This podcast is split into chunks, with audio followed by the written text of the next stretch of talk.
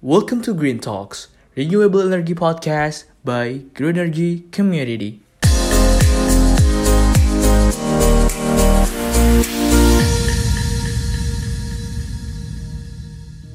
Halo Greeners, baik lagi bersama gue Irfan di Green Talks Podcast by Green Energy Community. Di sini pastinya kita bakal bahas-bahas semua hal yang berkaitan dengan lingkungan dan renewable energy. Di episode spesial ini, gue pastinya nggak bakal sendirian. Gue bersama temen gue, rekan baru gue, Alam Ubaidillah.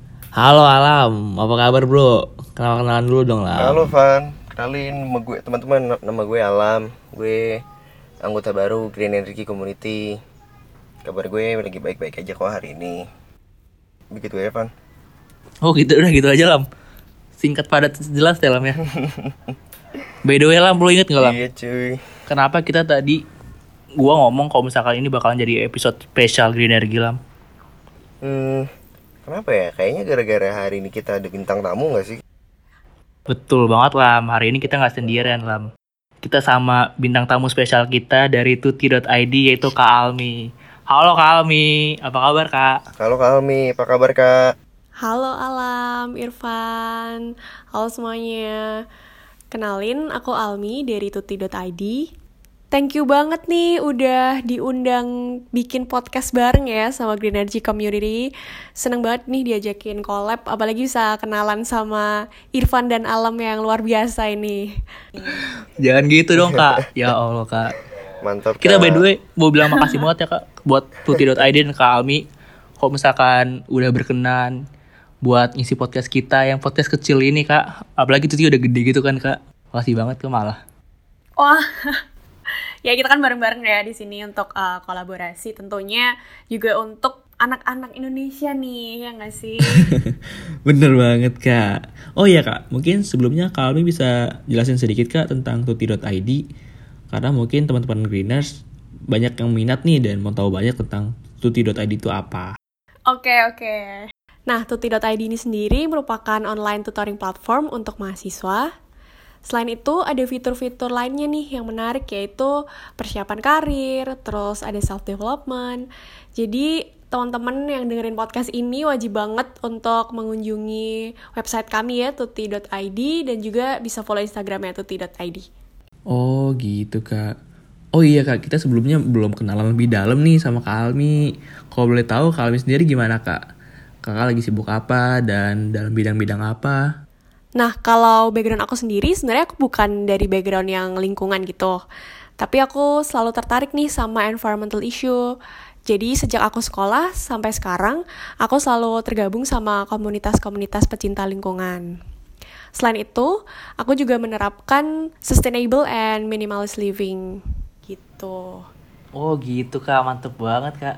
By the way kak, teman kita Alam ini sebetulnya dia pas SMA juga ikut pecinta alam kak.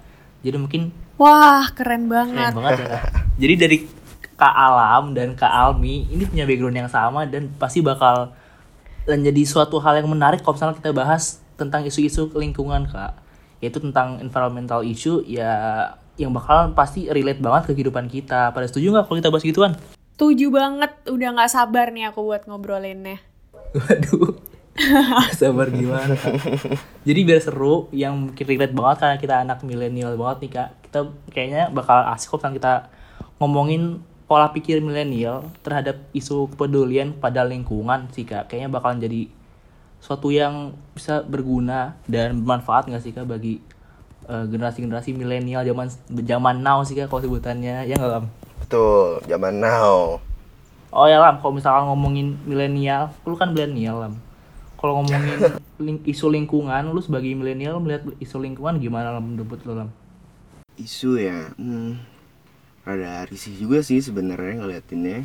Karena kayak orang-orang masih segampang itu buat buang sampah sembarangan, ya kan? Masih beranggapan kayak ah dia aja buang kok, ya udah gue juga buang dong. Selalu beranggapan gitu. Padahal kan kalau misalnya satu orang mikir kayak gitu, ntar yang lainnya ikutan, ya kan jadi lama-lama numpuk sampahnya, ya kan? Makin gak bener, makin risih, makin bau, makin gak enak buat banyak orang. Tapi masih banyak dilakukan terus udah gitu kalaupun orang-orang udah susah-susah ngemilahin sampah nanti di tempat pembuangan akhirnya ujung-ujungnya dijadiin satu juga. Jadi kayak ya. Jadinya banjir ya Lam ya? iya. Banjir kayak di Bekasi lah soalnya gue di Bekasi emang sering banyak banget lah nemuin nemuin hal-hal gituan apalagi kalau misalkan pas covid kayak gini kan harusnya kan secara logika bakalan jadi suatu momen di mana orang-orang bakal ngurangin eh, barang-barang penggunaan plastik jadi harusnya sih isu covid kayak gini malah jadi lingkungan kita makin bersih secara logika sih gitu ya kalau Kak Almi menurut kakak gimana kak? Wah ini isu menarik banget nih, karena kan kita emang sekarang udah hampir satu tahun ya COVID ini nggak kerasa gitu. Terus kayak 2020 tuh kayak Betul. skip aja ya nggak sih? Iya cepet banget ya kak. Iya iya iya. Em, kalau dari pandangan aku ya tentang isu lingkungan pada saat pandemi ini sebenarnya banyak banget isu-isu positif gitu ya. Contohnya aku baca berita itu kanal di Venice yang biasanya banyak turis, terus mereka banyak yang buang sampah sembarangan, itu tuh jadi bersih banget gitu. Jadi selama satu dekade ini tuh selalu kotor dan interestingly pada saat COVID ini jadi lebih bersih gitu. Ngefek banget, soalnya kan orang-orang pada nggak liburan gitu kan. Terus ada juga emisi karbon nih.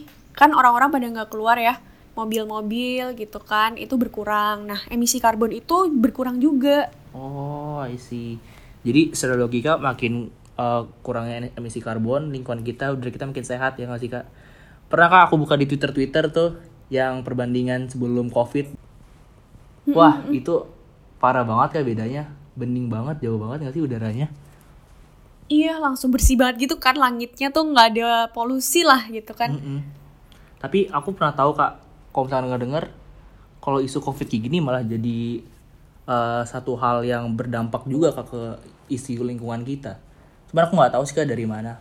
Mungkin kakak bisa kepikiran nggak sih kak, kenapa malah ada yang bilang kalau pas COVID malah jadi makin kotor. Iya, ya, setuju banget sama Irfan. Jadi sebenarnya memang environmental issue sama pandemik ini tuh nggak cuman one sided ya, maksudnya nggak cuman jadi positif aja gitu, tapi pasti tentunya ada yang negatif. Karena kan selama ini tuh sama pandemi ya, kita selalu pakai masker, pakai glove atau mungkin alat-alat pelindung diri lainnya lah ya kayak face shield, itu kan dari plastik tuh. Nah, selama pandemi ini semua orang di seluruh dunia pasti kan pakai alat-alat itu dan mereka itu buangnya juga kadang nggak tahu buang yang bener tuh kayak gimana. Jadinya udah kecampur sama sampah lain dan numpuk deh gitu.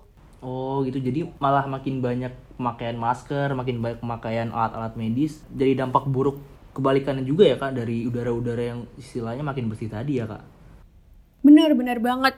Iya serem banget di penelitian-penelitian itu mereka bilang bahwa di setiap bulan ada 129 miliar itu face mask dan Wow. 65 miliar glove pada saat pandemi ini gitu. Kayak banyak banget itu. Gila. banyak Itu banget banyak sumpah, banget ya. nggak kebayang gitu ya.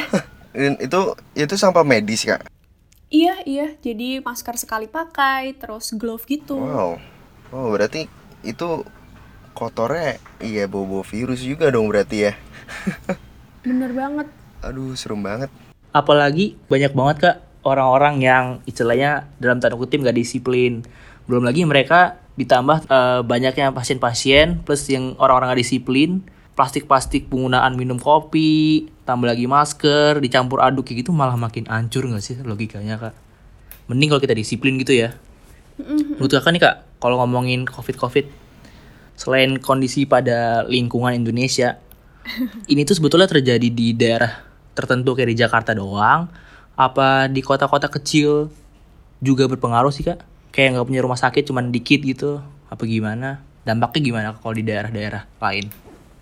Setahu aku kalau di daerah-daerah lain mungkin mirip ya, cuman jumlahnya mungkin gak sebanyak kayak yang di Jakarta gitu.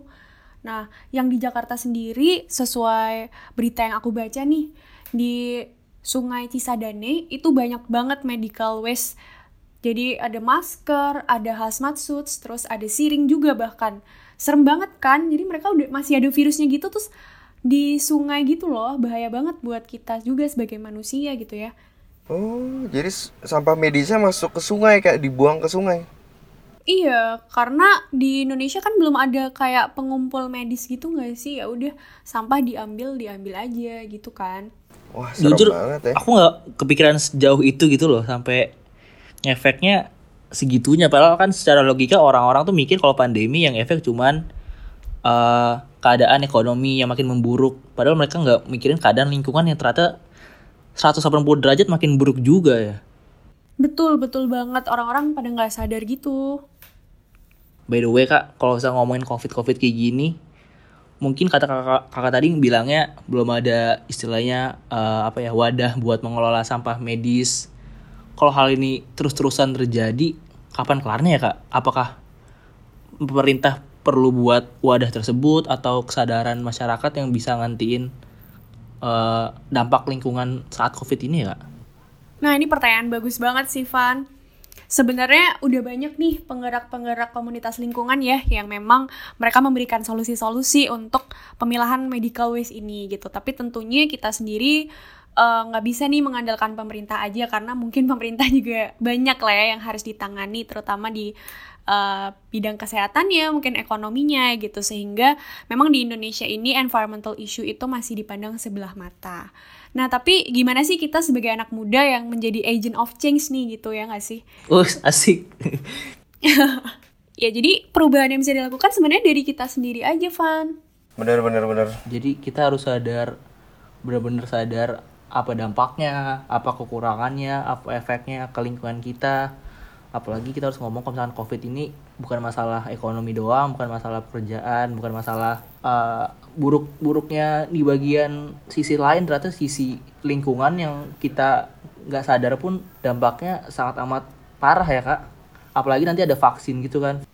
Maskernya aja bisa ke sungai gimana? Suntikan-suntikan ntar.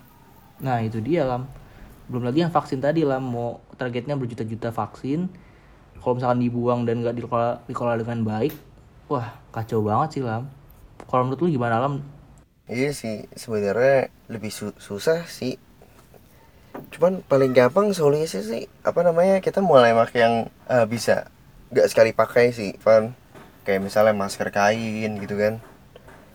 Terus sarung tangannya juga sarung tangan kain gitu mungkin yang yang apa namanya yang emang bisa dipakai. Pokoknya kita pakai kayak barang-barang yang bisa dipakai terus aja gitu loh. Jangan jangan sekali pakai. Bener sih Sebetulnya semuanya balik ke kita kita di, Diri kita masing-masing Kalau misalkan kita peduli dengan lingkungan Pasti kita cari banyak cara supaya Ya dari hal pribadi, hal kecil kita Kayak kata Alam dan Kak Almi tadi Kita bisa pakai masker yang uh, dari kain yang lama kita pakai Bisa pakai sarung tangan yang kita pakai lama juga Setuju banget sama alam. Bener-bener ngefek dan dampak ke lingkungan kita ya kak Betul banget. Dan juga jangan lupa untuk jangan sering pergi-pergi ya. Soalnya selain itu berbahaya juga ya buat kita, kita jaga kesehatan, tapi kan semakin pergi biasanya kita semakin konsumtif dan tentunya sering pakai masker. Bener Nanti, banget, setuju banget. Banyak lagi yang dibuang gitu kan. Iya kak. Kalau boleh bagi pengalaman kak, sebetulnya aku udah pernah kena covid loh kak. Percaya nggak? Oh iya, Van. Asli, aku kena Oh, I'm covid. sorry to hear that, Irfan. Enggak jangan gitu, malah aku sebagai milenial agak malu juga nih kok bisa kena covid. Harusnya kan jaga jaga lingkungan, jaga kesehatan. Ya walaupun kita nggak tahu kena dari mana ya, tapi sebetulnya covid itu ada dan covid itu berbahaya dan bukan berbahaya pada eh, kondisi pemerintah, kondisi negara atau kondisi kesehatan kita, tapi baik lagi itu bisa ngaruh ke keburukan buat lingkungan Indonesia sendiri.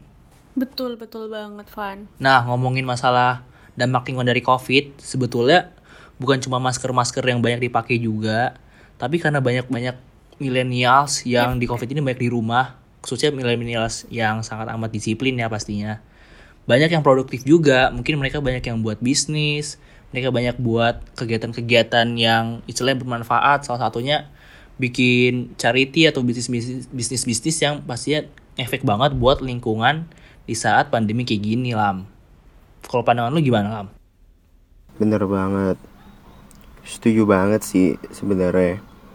Nah, cuman ya begitu deh. Namanya juga kaum-kaum milenial ya. biasanya kan orang-orang milenial tuh lahir di atas tahun 90-an orang-orangnya yang baru baru baru mulai kerja baru mulai kuliah ya kan masih SMA tuh mungkin rata-rata cenderung konsumtif sehingga mereka rajin banget beli rajin banget beli online rajin banget jalan-jalan ya kan? Yang kayak gini nih sebenarnya yang jadi sumber masalah. Karena mereka masih kuat masih semangat ya kan? Masih semangat ja- jalan-jalan semangat beli-beli. Tapi ntar tahu-tahu udah mereka nggak nyadar udah memberikan impact yang negatif ke, ke, ke lingkungannya. Bener.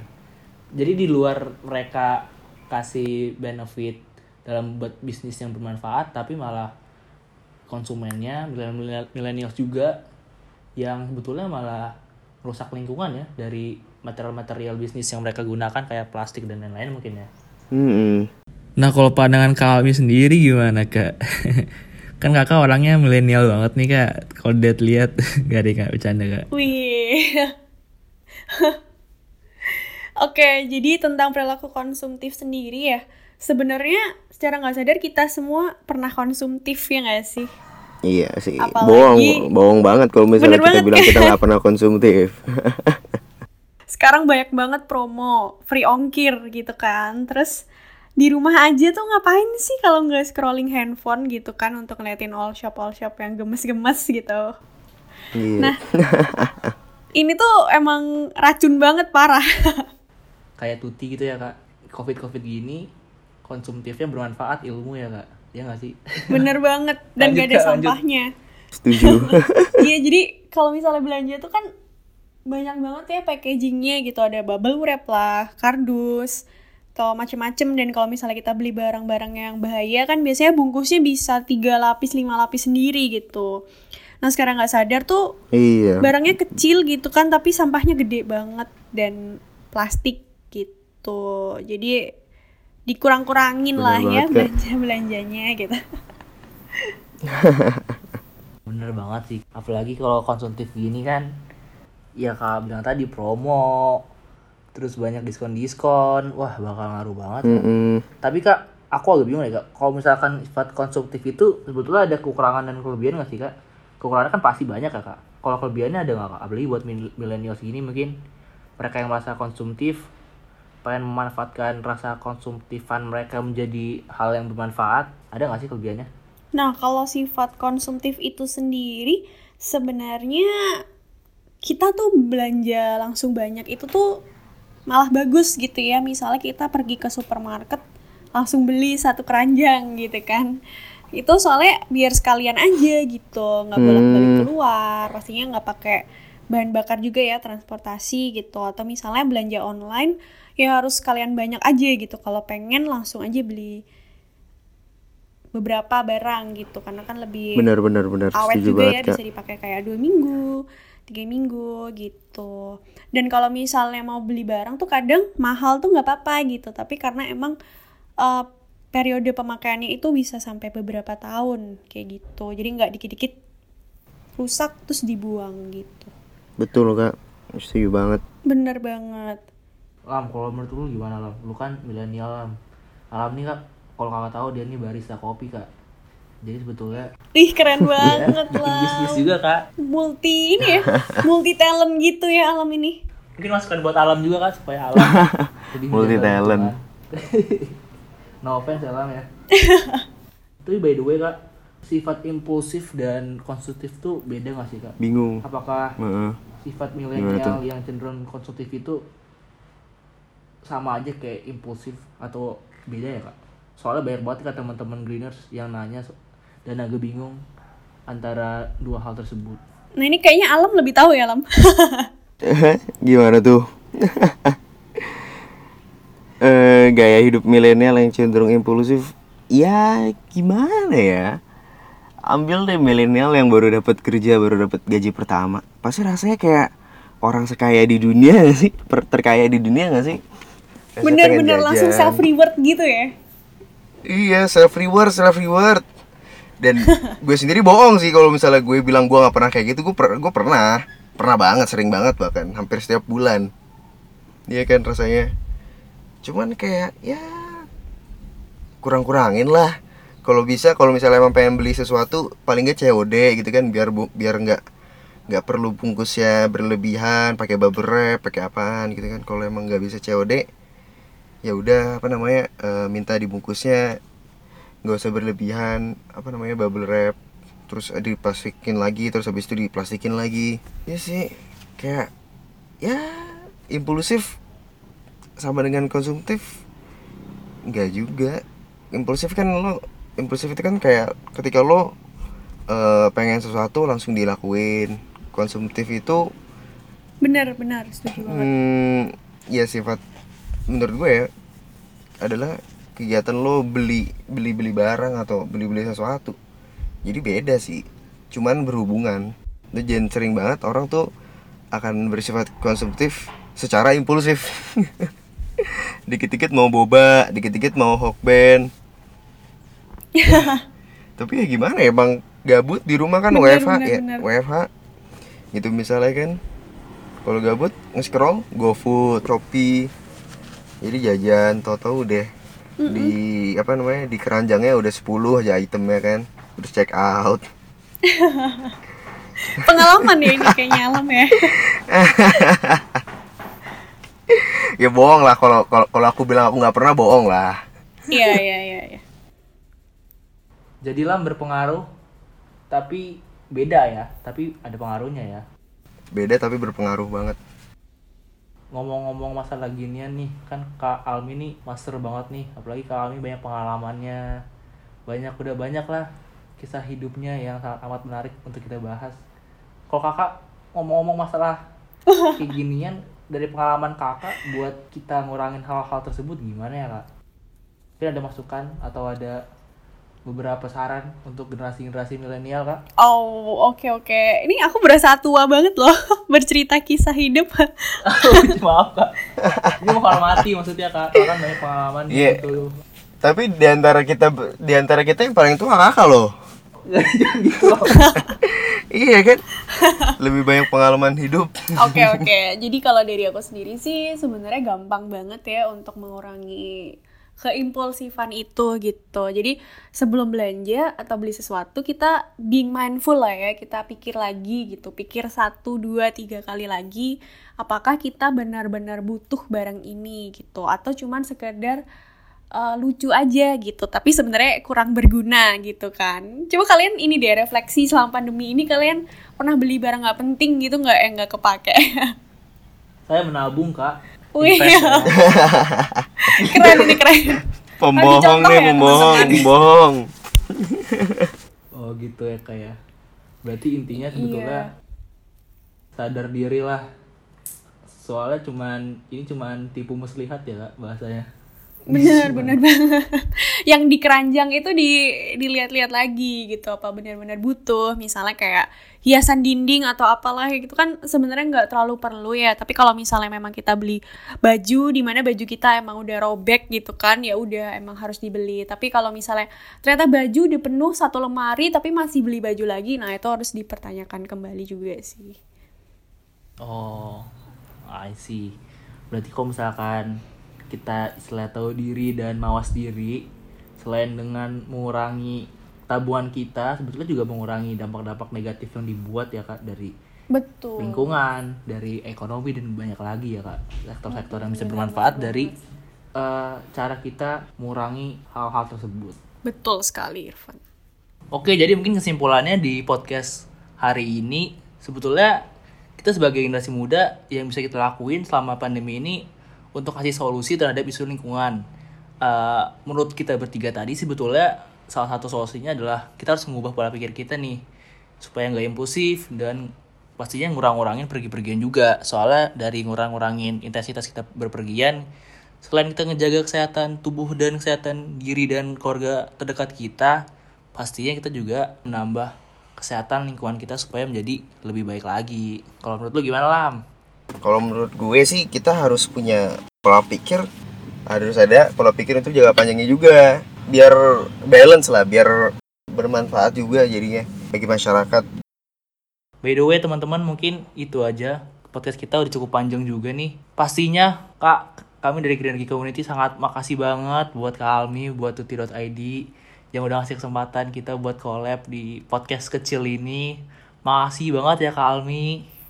Thank you banget Greenergy, Alam, Irfan udah ngundang aku nih. Aku seneng banget nih. Mungkin Kakak Almi punya satu dua pesan atau mungkin Kakak bisa kasih info-info terkait tuti.id juga Kak. Oke, oke. Thank you banget semua yang udah dengerin podcast Greenergy bareng tuti.id ini. Semoga teman-teman di sana tetap sehat, jaga kesehatan ya.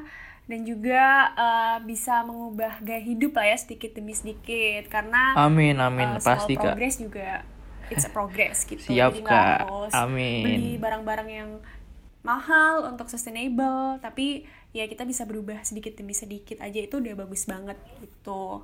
Terus jangan lupa teman-teman follow Instagram tuti.id atau bisa langsung mengunjungi websitenya tuti.id kalau misalnya mau belajar bareng gitu ya nggak harus mahasiswa sih sebenarnya nggak mau tutor yang misalnya pelajaran ini gitu bisa banget untuk tutor uh, soft skill atau ya yang lain gitu. Oke, I think that's it for me. Thank you banget Greenergy udah diajakin collab ya. Sekali lagi makasih banyak buat tuti.id yang bersedia collab dengan kita, khususnya sama Kak Almi ya. Uh, sebetulnya ini bukan podcast terakhir kita bareng Tuti, jadi kita bakal luncurin podcast lagi bulan depan bersama tuti.id juga.